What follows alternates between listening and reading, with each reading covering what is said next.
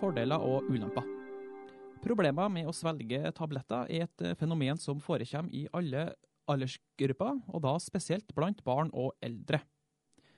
Velkommen til tidsskriftets podkast for nummer fire 2012.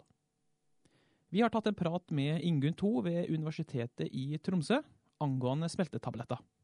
Hva er smeltetabletter, og hva slags problem ble de utvikla for å løse? Smeltetabletter er egentlig en samlebetegnelse for ulike typer preparater som har det til felles at de løser seg raskt opp i munnen uten tilførsel av ekstra drikke.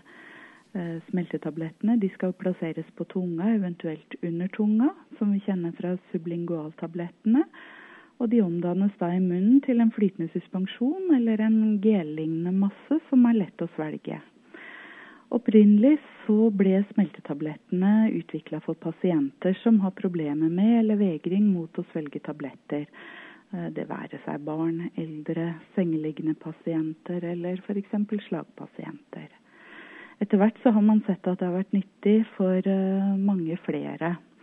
Og problemene knytta til eh, problemer med å svelge tabletter, det er eh, relatert til formen på tabletten, størrelsen på tabletten, overflate og også smak.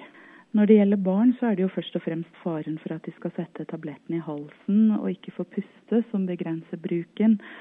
Og her eh, viser faktisk nyere forskning at det er størrelsen på tabletten det kommer an på. Så barn helt ned i førskolealder de kan ta tabletter bare de er små nok. Og nå forskes det en del på minitabletter eller mikrotabletter, som er tabletter med en diameter helt ned i 1-2-3 millimeter. Og også smeltetabletter i ministørrelse, som man da ser for seg at kan egne seg til de aller minste barna. Det har vært en stor økning i interesse for smeltetabletter de siste åra, og det har kommet en rekke nye tablettprodukter på markedet både reseptfrie, men også reseptpliktige preparater. Som nevnt så er en eh, vesentlig fordel med smeltetablettene at de kan tas uten ekstra drikke. og Det gjør at de er anvendelige i mange situasjoner. F.eks. kan man ha de enkelt med seg på reise, eller de kan inntas når man eh, ligger i liggende stilling.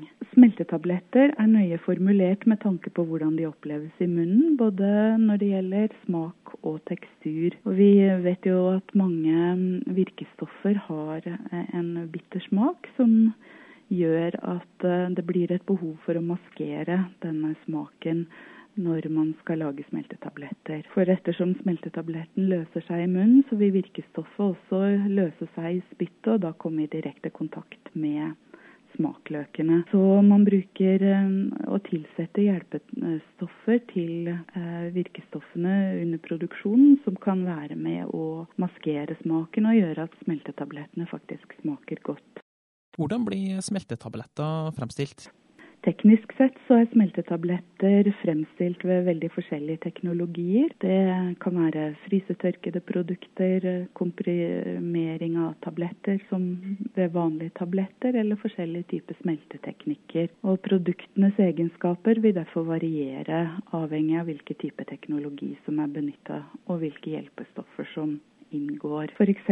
så vil eh, frysetørkede produkter de vil være veldig skjøre og kan lett gå i stykker eh, når man skal ta de ut av forpakningen mens komprimerte produkter de vil være mer robuste. Eh, og nettopp det at smeltetabletter er laga for å løse seg opp i munnen, gjør at man bruker hjelpestoffer som skal fremme en rask oppløsning, og det bidrar igjen til at eh, smeltetabletter kan være veldig følsomme for fukt, og at man derfor bruker spesialforpakninger for å beskytte tablettene mot fukt.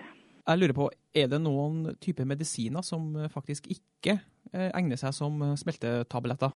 Ja, Smeltetabletter er jo laga for å løse seg raskt i munnen. Så i de tilfeller hvor man ønsker en kontrollert eller en forsinka frigivelse av virkestoffet, så er det i hvert fall per i dag ikke er smeltetabletter ikke så godt egna. Det er nok noe som kan løses på sikt, men de produktene som er på markedet i dag, vil gi en rask frigivelse av virkestoffet. En annen begrensning er også virkestoffets fysikalsk-kjemiske egenskaper, altså eh, hvor løselig er virkestoffet i eh, vann. En del virkestoffer vil være veldig dårlig løselige i vann, og da vil de også være dårlig egnet for å lage smeltetabletter. Jeg lurer på, Er det noen situasjoner der det er uheldig å bruke smeltetabletter? Ettersom spytt er viktig for at smeltetabletter skal løse seg i munnen, så er heller ikke doseringsformen egnet for pasienter som tar antikolinerge legemidler, eller som har sjøgrønnssykdom eller plages med munntørrhet av andre årsaker. Eh, I disse tilfellene så kan man dispergere smeltetablettene i litt vann før bruk. I tidsskriftet nummer 4 2012 så kan du lese hele artikkelen til Ingunn 2. Jeg heter for Sivert Ahlmvik. Vi høres eh, neste gang.